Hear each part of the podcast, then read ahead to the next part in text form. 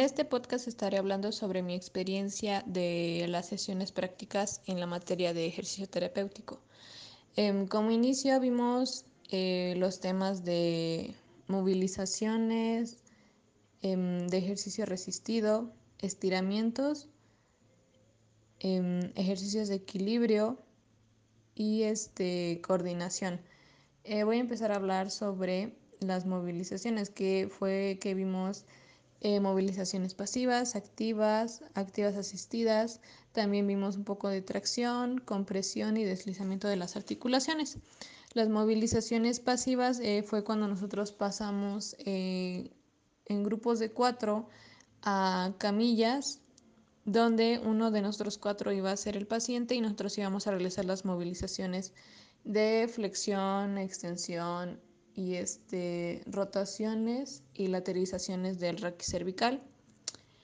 Esa se me dificultó, bueno, al principio se me dificultó un poco por la manera en que tienes que estar eh, agarrando la cabeza del paciente y más que nada sobre eh, el alineamiento, ¿no?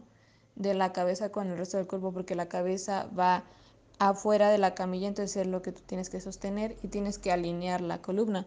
Entonces eso fue lo que se me dificultó un poco a la hora de hacer las movilizaciones. También que eh, si lo haces muy rápido, eh, pues el paciente se puede marear.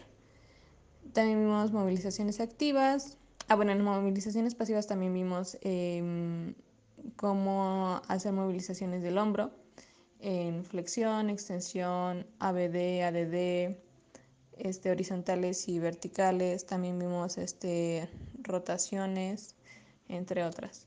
En las movilizaciones activas, eh, pues es solamente que el paciente haga eh, el movimiento y el fisioterapeuta solamente se encarga como de la supervisión. Y las movilizaciones activas asistidas es cuando el paciente puede comenzar el movimiento pero no lo llega a término y entonces es ahí donde entra el fisioterapeuta y lo que hace es eh, terminar el movimiento de la articulación. También en otra clase vimos la tracción, compresión y deslizamiento de las articulaciones, que la tracción es prácticamente cuando se separan las superficies eh, articulares, la compresión es cuando se aproximan y el deslizamiento es cuando solamente, este también se puede llamar eh, juego articular, que es la manipulación de la articulación para solamente deslizar las superficies articulares entre sí. En esta, que fue la, la tracción y la compresión, se me hicieron fáciles de, de hacerlas en mis compañeros, y, eh, pero el deslizamiento, ese sí se me dificultó mucho. Me acuerdo que hicimos deslizamiento de la articulación de la muñeca, más que nada porque, bueno, entre mis compañeras eh, fue un poco fácil porque sus manos eran como del mismo tamaño que el mío, aparte sus articulaciones como que eran más maleables. En, el caso de mis compañeros, que tienen las manos un poco más grandes, ahí sí se me dificultó un poco por la fuerza que tenía que hacer, que obviamente era mayor a la que hice con mis compañeras, y este también por la técnica, ¿no? De cómo agarrar la mano, de dónde de dónde agarrar para no poder lastimar a la persona eh, haciendo el, el deslizamiento de la articulación. El siguiente tema eh, es el ejercicio resistido. El ejercicio resistido, me acuerdo que nos puso una actividad con ligas. Nos puso a hacer, este, si no mal recuerdo, sentadillas. En otra de las clases también nos puso a hacer este, ejercicio resistido pisando la liga y llevando el brazo completamente extendido hacia arriba, eh, entre otros. También, eh, bueno, el ejercicio resistido es el ejercicio donde una contracción muscular puede ser dinámica o estática. Esta este, puede tener una resistencia manual o también este, mecánica, como por, en, este, en este caso fue mecánica porque estuvimos utilizando la, la liga. Eh, también nos puso otros eh, ejercicios de resistencia este, estática, en donde nosotros teníamos que estar haciendo planchas o estar haciendo ciertas posiciones y quedarnos ahí por un momento para ver cuánto durábamos. Otro de los temas también, eh, bueno, el que sigue es de estiramientos, que este, es, este se emplea para mejorar la amplitud del movimiento de la articulación y es cuando se elonga a un músculo. Este se elonga eh, llevando el músculo del lado contrario al que hace la contracción muscular. Y me acuerdo que este lo vimos este, en una clase en donde nosotros tenemos que pasar a explicar eh, estiramientos de cualquier músculo del cuerpo humano. Y a mí me tocó el de los extensores de extensor largo y corto de los dedos del pie. Y este, ahí sí, em, viendo la imagen, como que no me guía tanto, pero ya haciéndolo este, práctico, o sea, ensayando ahí durante la clase, creo que se me quedó más em, realizándolo que visualizando la imagen que venía en el libro.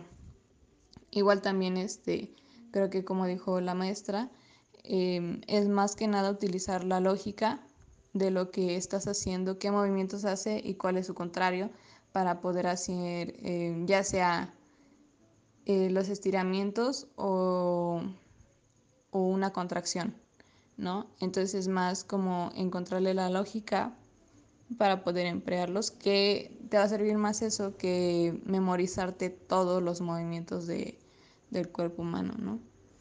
El que sigue es eh, ejercicios de, de, equilibrio.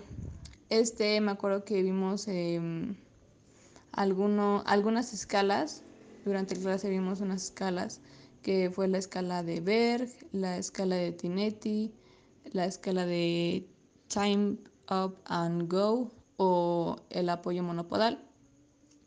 Que el equilibrio es, eh, se puede dividir en dos, ¿no? El equilibrio estático y el equilibrio dinámico, que el equilibrio estático es cuando el simple hecho de que tú estés sentada en un, o sentada o sentado, sentado o sentada en una silla y poder como sostener tu propio cuerpo, o sea, que esté ahí sentado y no, no, no, este, no haya como que te vas de lado o te vas para el frente, ese ya es eh, tener equilibrio. También, eh, bueno, el equilibrio dinámico es cuando, por ejemplo, eh, vas caminando. O sea, el simple hecho de poder este, dar los pasos y distribuir tu peso de forma que no te vayas a caer. En las escalas, como ya las mencioné, por ejemplo, la de Berg eh, era más con la utilización de las sillas, si no mal recuerdo, que este, estas, eh, me acuerdo que uno de mis compañeros pasó a la clase del frente para poder hacer la demostración, que eh, estaba sentado en la silla, eh, se paraba sin el apoyo de las manos, también teníamos que observar cuando estaba parado si no se balanceaba, si no se ladeaba alguno de los lados, igual cuando se siente en la silla, sin el apoyo de las manos, eh, al pararse y al sentarse para ver si no, si no se azotaba en la silla o algo. También el estar de pie con los pies juntos para ver este qué tanto se balanceaba y hacia qué lado se balanceaba más. Eh, otro creo que fue también eh, estando de pie, extender los brazos hacia adelante y llegar lo más adelante que pudiera y recoger un objeto del suelo. La del Tinetti, eh, bueno, la escala de Tinetti fue más que nada observar al, a la persona sentado, a levantarse de la silla.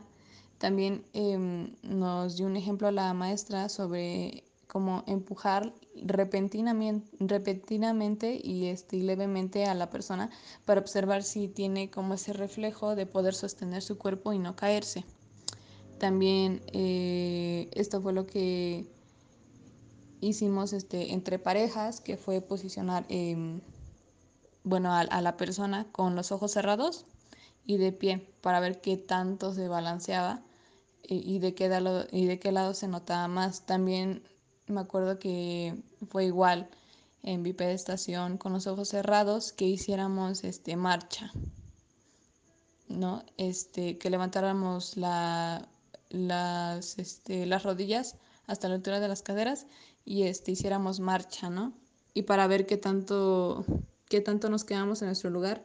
En mi caso, por ejemplo, yo me acuerdo que giré mucho hacia el lado derecho y según yo cuando abrí los ojos, yo, según yo, sí me había metido en el lugar y no es cierto. También eh, evaluar la marcha con los ojos cerrados. Me acuerdo que no, igual fue en parejas, posicionamos a la persona de un extremo a otro, le dijimos que caminara lo más derecho posible que, que él creyera, de ida y de regreso. Y me acuerdo que mi pareja eh, se, se desvió hacia un lado. También está la de, bueno, la del apoyo monopodal, que está básicamente también fue con un compañero que pasó al frente de la clase y fue sentarse en una silla levantarse de la silla, llegar hasta cierto punto y regresarse. Y este es este caminando y este y midiendo el tiempo con un cronómetro para ver qué tanto se tardaba. Y por último eh, vimos el tema de coordinación, que eh, me acuerdo que en esta actividad fue con una pelota y también fue en parejas que lo que teníamos que hacer era que uno de nosotros tenía que lanzar la pelota hacia arriba y cacharla y por lo consiguiente el contrario, o sea, la persona contraria tenía que lanzar la pelota hacia abajo. Entonces, primero fue estático y ya después fue eh, moviéndonos hacia uno de los lados. Este se me hizo un poco más difícil de poder manejar y más porque en un punto la maestra dijo que cambiáramos de dirección. O sea, que el que estaba lanzando arriba ahora iba a lanzar abajo y el que estaba lanzando abajo ahora iba a lanzar arriba. Y de hecho creo que se, se me cayó la pelota a la fuente por, este, por no procesar rápido o no poder coordinar rápido mis movimientos para poder cachar la pelota. También otro de los ejercicios que hicimos fue la de las pisadas, que no teníamos que, teníamos que llegar a un punto y de regreso sin pisar este, las rayas de, como de los cuadros que estaban ahí en el suelo. Y otro también, eh, los últimos dos que vimos fue eh, avanzar en cuatro puntos, o sea, como gateando, y regresar eh, caminando en talones. Y bueno, eso sería todo por hoy. Gracias por escuchar.